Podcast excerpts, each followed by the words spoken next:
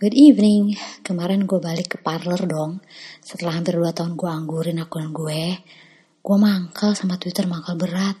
Karena sensornya bikin platform itu udah gak asik lagi buat gue. Gila lo padahal tadinya gue tuh gue mau mujo banget Twitter.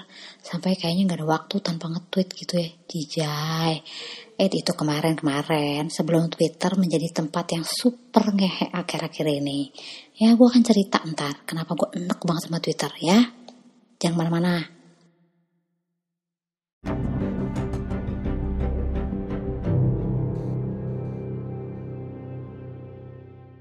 Jadi gini, gue tuh emang udah lost appetite gitu ya lihat dunia per Twitteran Indonesia. Karena ya isinya gitu, -gitu aja. Sejak Ahok masuk penjara, gue emang udah beneran males banget lihat politik Indonesia yang masih udik banget. Udah gitu gue gemes pula lihat tim sosmed yang megang akun Twitter Jokowi. Isinya retorika KTB leceh gitu ya, plus foto-foto so inya presiden. Aduh, malesin banget deh liatnya. Nah, nih belum lagi banyak bener orang-orang yang gue follow dan asik tuh dulunya. Sekarang tuh pada jadi buzzer. Jadi timeline gue isinya kayak lapak jualan obat promosinya program-program pemerintah mulu. Dari kartu prakerja lah marunda lah. Uh pokoknya udah gak ada semangat untuk ngebully PKS lagi gitu. Jadi gue sedih dan gue empat sama Twitter gara-gara itu. Nah, ada juga sih ini akun yang kerjanya ngebully orang lain, padahal yang dia bully itu tuh kenal juga enggak ya kayaknya nih kontolnya gatel kalau nggak ngebully orang gitu. Gue juga heran. Itu laki kayak nggak ada kul-kulnya pisan. Tapi ada aja yang follow gue nggak ngerti. Ya mungkin karena dia juga sering posting foto bokep ya. Jadi followernya semacam menunggu bokepan apa lagi yang bakal nongol dari timeline dia gitu ya. Eh satu-satunya hiburan gue ya serunya dunia politik di Amerika sekarang. Selain covid ya covid juga udah bosan sih sebenarnya terus uh, kiri versus kanan yang selalu anget gitu di sono uh, seru. Nah gue sih amat terhibur dengan meme yang muncul ya meme atau meme gitu ya. Pakai pakai kak meme atau meme yang muncul dari akun-akun konservatif ya. Pokoknya benar-benar mereka tuh pujangga meme banget deh gitu ya. Keren-keren amat gitu produk uh, namanya kreasi mereka. Terus uh, mereka tuh uh, jual beli gagasan di antara yang konservatif dan progresif tuh seru tuh kalau di Twitter uh, di di, di twitternya orang-orang Amerika gitu ya. Petanya kelihatan banget sekarang itu kelihatan kelihatan super kelihatan. Yang konservatifnya pro facts yang progresifnya pro emotions kalau menurut gue. Jadi emang progresif yang sebetulnya kaum kiri ini memang paling gemer gemar gitu ya pakai isu berbau emosi dan kadang-kadang hoaxis hoaxisme ya penuh dengan hoax gitu ya dalam setiap argumentasi mereka. Misalnya tuh ya seperti ya itu Black Lives Matter itu ya tai ya um, seneng banget memanipulasi perasaan dan, dan akhirnya ujung-ujungnya ya hoax lagi hoax lagi. Nah itu yang bikin gue enek sama uh, progresif di Amerika dan ketika itu dilawan atau di kantor sama orang-orang konservatif itu seru. Karena mereka nggak nge-counternya tuh nggak cuma pakai argumen tapi pakai meme. Seru pisan ya. Nah sekarang nih kan di Amerika nih mau ada pilpres tanggal 3 November. Lu kebayang dong makin seru dong emang tuh di sana ya waduh gila seru banget. Uh, apa tahun politik ya selalu seru gitu ya. Namanya juga rebutan kekuasaan gitu kan Nah, sekarang itu lo juga selain itu makanya lagi rame-rame nih Black Lives Matter gitu ya, yang tai kucing itu. Terus mereka tuh kaum-kaum Black Lives Matter ini maksud saya aktivis aktivisnya itu kolaborasi sama Antifa. Yang akunya anti fasis tapi ternyata fasis ya lo gimana nggak fasis lo uh, pengejarah terus uh, menggal-menggalin atau ngancur-ngancurin patung. Aduh kacau deh Nah itu isinya tuh antifa tuh anak-anak alay ya, salah asuhan, terus bertingkah bikin rusuh di jalan-jalan ya. Nah pakai jarah-jarah gitu, terus ngajar orang seenaknya, seenak kontolnya gitu ya, uh, bikin zona mandiri pula gitu, terus dibiarin tuh sama pemerintah lokalnya, terus kayak di Seattle. Aduh kayak gue gemes banget tuh ngeliat-ngeliat kelakuan mereka. Aduh kalau di Indonesia kali udah kelar hidup mereka ya. Makanya bersyukurlah mereka di Amerika yang bebas, bebas, bebas untuk ngaco, ngacoin kehidupan komunitas di sana. Gila kalau gue bilang. Nah terus uh, kemarin malam sebelum gue tidur gue tuh seperti biasa kan gue buka-buka Twitter ngecek keramaian apa yang sedang terjadi di timeline gue gitu ya. Memang kalau dilihat kalau mau ngeliat follow following gue tuh kebanyakan emang bukan orang lokal maaf kata ya. Duh gue gak tahu deh orang-orang lokal uh, agak-agak seru akhir-akhir ini gue jijak ya. Bukan rasis loh. Anyway dua malam lalu gitu ya sebelum gue tidur gue sempat buka-buka Twitter uh, ya gue lihat sih di dalam negeri ya soal RUU yang kontroversial ya tentang ideologi negara gue gak ikutin. Uh, maksudnya cuma kayaknya pro kontranya cukup banget gitu cukup rame gitu ya. Sementara urusan orang parno covid masih aja banyak gitu ya di Indonesia. Gue gak bisa nyalahin sih ya juga orang parno kan gak pada takut mati ya bo. Gitu ya. Kembali ke dua malam lalu itu ini gue lihat postingan uh, Carpe dong jam gue gak tahu cara ngomongnya gimana. Uh, yang gue pernah bilang itu memek memek aduh meme creators yang meme creator yang super super super gila gitu karyanya ya. Dia tuh pernah diundang tuh sama Donald Trump ke White House gitu ya. And then Presiden Amerika ini beberapa kali sih ngepost ulang hasil kreasinya si Carpe dong Tom itu ya. Nah yang pertama booming banget waktu itu si Carpe ini bikin meme pakai lagu Everybody Hurts gitu ya untuk modifikasi untuk ngebody video State of the Union-nya si Donald Trump waktu masuk ke dalam ruangan Capitol Hill ya kalau nggak salah ya.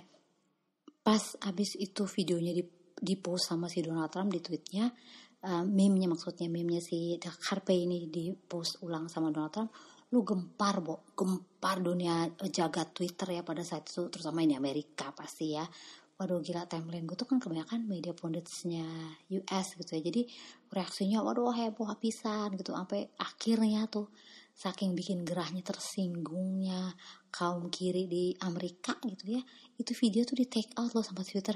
Gila loh. Terus ya memang sih karena masalah copyright mungkin si Carpe ini gue gak ngerti dan dengan um, bagaimana orang bikin meme ya rules and regulation di Amerika. Tapi itu katanya masalah copyrightnya lagu yang dipakai sama si Carpe gitu ya Nah, kalau kalian sempat lihat uh, Donald Trump nge-tweet video dua anak balita lari-lari ya minggu lalu. Nah, ini sebenarnya juga sih kreasi si Carpe Dongtum itu ya tahun lalu dibikinnya. Uh, tapi karena memang lagi rame isu rasialisme yang lagi di Black Lives Matter tai anjing itu, nah ini sama si Donald Trump ujuk-ujuk dia post ulang dong videonya si Carpe itu ya. Uh, tujuannya sih emang untuk nyindir gitu ya meme itu apa sih sebenarnya? Itu kan sebenarnya media untuk nyindir atau satir gitu ya. Nah jelas video si Carpe ini satir kok. Nyindir bagaimana mainstream media seperti CNN gitu yang dilukiskan di video yang dibikin itu atau MSNBC gitu ya.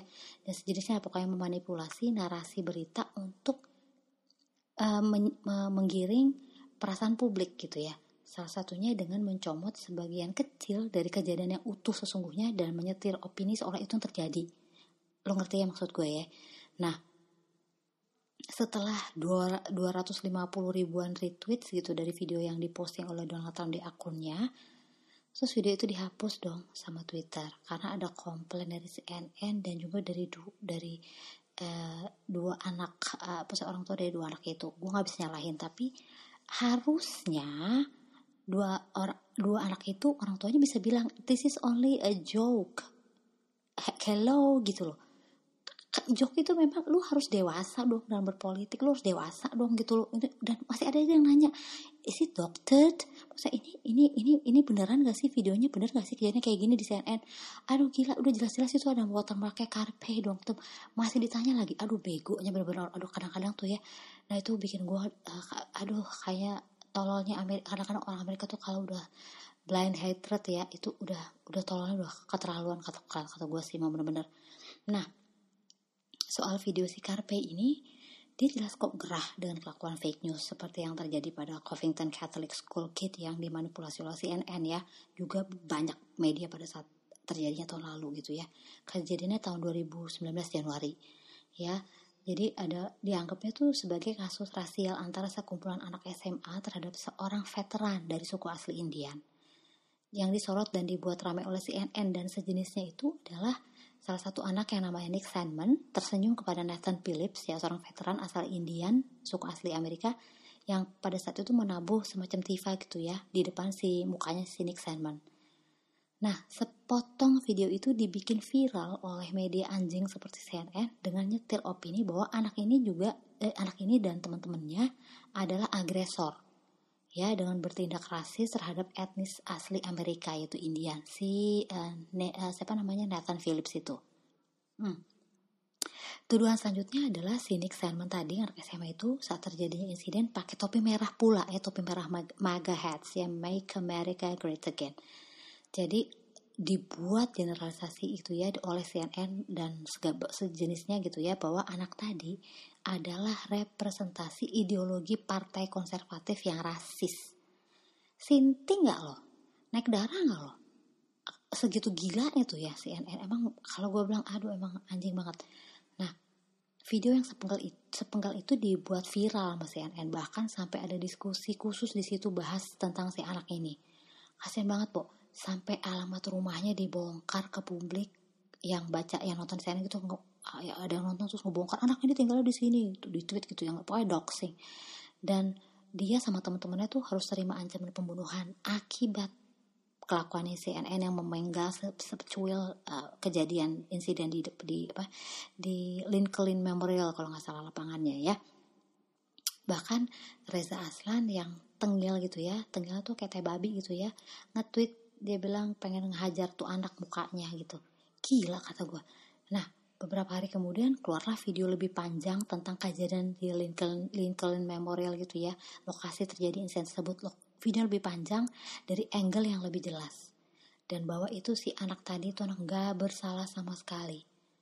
Lu boleh tonton videonya di YouTube dan gue sampai sekarang masih geram kalau inget itu. Gila kalau anak gue SMA terus 17 tahun dia dianggap sebagai pelaku rasisme. Hello dan akhirnya dihujat satu negara diancam dibunuh gue jadi bapaknya gue pasti stres dong orang tuanya ya gak sih Nah, ini nih kelakuan uh, mainstream media seperti yang, yang yang yang akhirnya dijadiin bahan meme oleh si Carpe tadi. Bahwa justru media sering secara sengaja memotong kejadian sesungguhnya untuk menguntungkan agenda politik atau ideologi tertentu. Jelas nggak jujur dong, nggak fair. Nah, terus itu nggak bisa ditutupin dan kejadian seperti yang dialami si Nick Simon kibulan atau kibul kibulan si Jusius Smollett gue nggak tahu cara gimana tuh Jusius Smollett atau Justice Smollett nggak ngerti deh. Dan baru-baru ini namanya Baba siapa gitu dia driver NASCAR. Jelas dipakai media bukan untuk member, memberitakan kejadian sesungguhnya malah untuk memainkan perasaan publik membuat divisi di di di di di, di grassroots tuh makin gesekannya tuh makin gede. Terutama minoritas atas nama social justice. Pan ya. Hah. Balik ke kejadian dua malam lalu dah. Di Twitter gue tuh gue sempat video uh, eh, gue sempat lihat videonya si Carpe yang uh, Never Gonna Give You Up gitu ya. Kreasinya meme itu kreasi meme-nya si Carpe ini memang menurutku tuh selalu segar gitu ya. Banyak sih yang lah segar lagi tapi ini uh, si Carpe ini kata gue levelnya level yang kelas kakap gitu ya. Nah, begitu menghibur di, uh, di di di di Never Gonna Give You Up itu ya seperti yang yang pernah dia buat se sebelum sebelumnya. Uh, untuk videonya Rick Astley ini, Rick Astley mukanya dimodifikasi jadi mukanya Donald Trump. Uh, cakep pokoknya halus banget mainnya tuh dibikinnya jadi cakep banget terus pelayan cafe yang di video aslinya Rick Astley diubah jadi Obama eh gue nggak nggak ngerasa ada yang aneh cuman di situ gue ngeliat bahwa pesannya gampang. Si si Carpe itu bilang bahwa uh, banyak yang ngarepin gue untuk gini gini gini gini tapi gue tidak akan mundur gitu. Karena urusannya sama gue rasa sih urusannya sama. Ancaman yang dia terima pasca uh, videonya viral oleh si Donald Trump yang dua toddlers di CNN itu ya. Terus uh, paginya tepatnya kemarin pagi gue bangun dong gue bangun seperti biasa uh, habis bebenah terus gue lagi santai gue baca Twitter dan gue kaget, suraget, anjing berdaster. Akun Karpe itu disuspend permanen sama Twitter. Anj, I mean seriously gue kaget, gue penggemar dia banget gitu, gue sedih, kesel, 4, 5, 6 Aduh campur aduk tadi kemarin pagi tuh gue, aduh gila ini bener-bener oh iya videonya Rick Astley yang ada di Instagramnya eh, ada juga di Instagram Doi. Jadi kalau pada mau nonton silahkan ke Instagram. Namanya sama Carpe dong tum gitu ya. Hmm, and then dari statement yang dipublish si Carpe ya uh, Twitter mensuspend permanen akunnya karena video yang dia buat itu di post oleh Donald Trump. Uh, I mean seriously even the dumbest person on this planet gitu knows it's a meme for God's sake. Kan bisa dilihat ada watermarknya Carpe dong dong masa sampai harus ada fact checked segala. Lalu dihapus sama Twitter. Bahkan sekarang kreator disuspend. Oh my goodness ini gap black. It's a fucking meme. It's humor. It's aduh gila gue gak ngerti lagi deh. Ini sih jelas kalau gue bias banget. Karena beberapa kali gue lihat uh, itu tuh pemimpinnya uh, Iran ya siapa namanya Khamenei whatever nge-tweet ngancem bakal ngapus Israel dari peta uh, dunia. Terus juga uh, death to America. Tapi nggak ada tuh Twitter rajin ngapus-ngapus tweetnya bahkan ngasih flag atau apa. Nge-suspend enggak nge-ban enggak gila kan lo maksudnya eh, Twitter is becoming this lame menurut gua. I mean if they are really into silencing conservative voices this is no longer healthy for democratic discourse menurut gua. Pertama Milo dulu tahun 2016 kalau nggak salah. Kasusnya sepele banget. Terus Tommy Robinson terus Zero Hedge ya gua nggak tahu itu juga kayak aku berita itu juga disuspend. Sampai terakhir ini Carpe dong Tom oh my goodness. Uh, nggak lama ya beberapa beberapa orang yang gue follow even beberapa orang dari kongres gitu ya yuk, yuk kita ngeliat kita ke parlor aja ke parlor di sana gitu ya. Nah gue lupa dong bahwa gue tuh udah pernah bikin akun di sana sampai gue download gitu loh gue download ulang terus gue sign up kemarin pagi. Pas gue pakai email gue gitu ya gue udah ter, ternyata udah terdaftar dong dan gue akhirnya berhasil login. Dan gue baru ingat baru lihat gitu pas gue liat profile gue uh, gue bikin akun itu Absolut ya di Parler itu 12 Oktober 2018. 12 Oktober 2018. Sementara Parler itu baru dibuat Agustus 2018. So, gue termasuk warga mula-mula gitu ya. Gue cukup visioner lah ya. I mean, even before this mass exodus gitu ya, dari para para Twitter uh, verified Twitter accounts gitu gue udinan mangkal bawa di parlor ya cie mangkal pecun bener Eke. Huh, anyway gue sih masih mangkal sama Twitter ya. As on today masih mangkal. Hmm. uh, gue gak ngeliat uh, Twitter sebagai cool space anymore. Uh, so because they keep banning people from their platform just because they you know these people have different views gitu ya. Different ideology different uh, political uh, like uh, views whatever. Uh, kita ini kalau ngomong bahwa trans woman itu bukan perempuan beneran bisa kena suspend bu dianggap kita anti LGBT sinting gak LGBTQ atau whatever itulah ya. Gue nggak anti sama LGBT sama sekali nggak.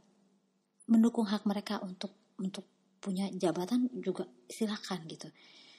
Tapi kalau untuk hal-hal yang menyangkut uh, fakta lahiriah aduh gue sorry dori gue belum bisa terima kalau mereka dibilang perempuan beneran jadi gue untuk kali ini gue ny nyangkutnya jauh masa gue seperti yang dikatakan oleh si J.K. Rowling itu ya. Anyway.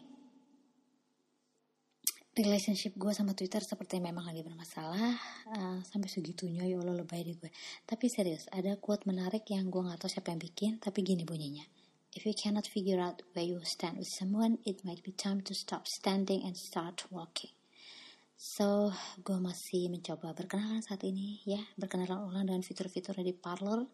Parler kalau ngomong. Ada ada ada echo itu semacam retweets, ada juga post upvoted itu semacam like gitu ya. Ada juga tulisan post downvoted itu dislike.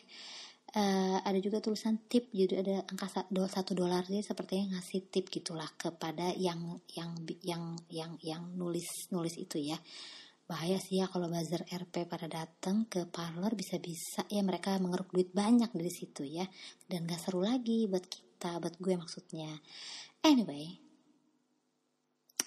that concludes my rants tonight. Hope I have more time to produce more podcast more rants gitu ya. Kalian gak nungguin kan? Lebayatan cuma waroh deh Eke. Ya pokoknya gitu deh uh, sekian dan terima kasih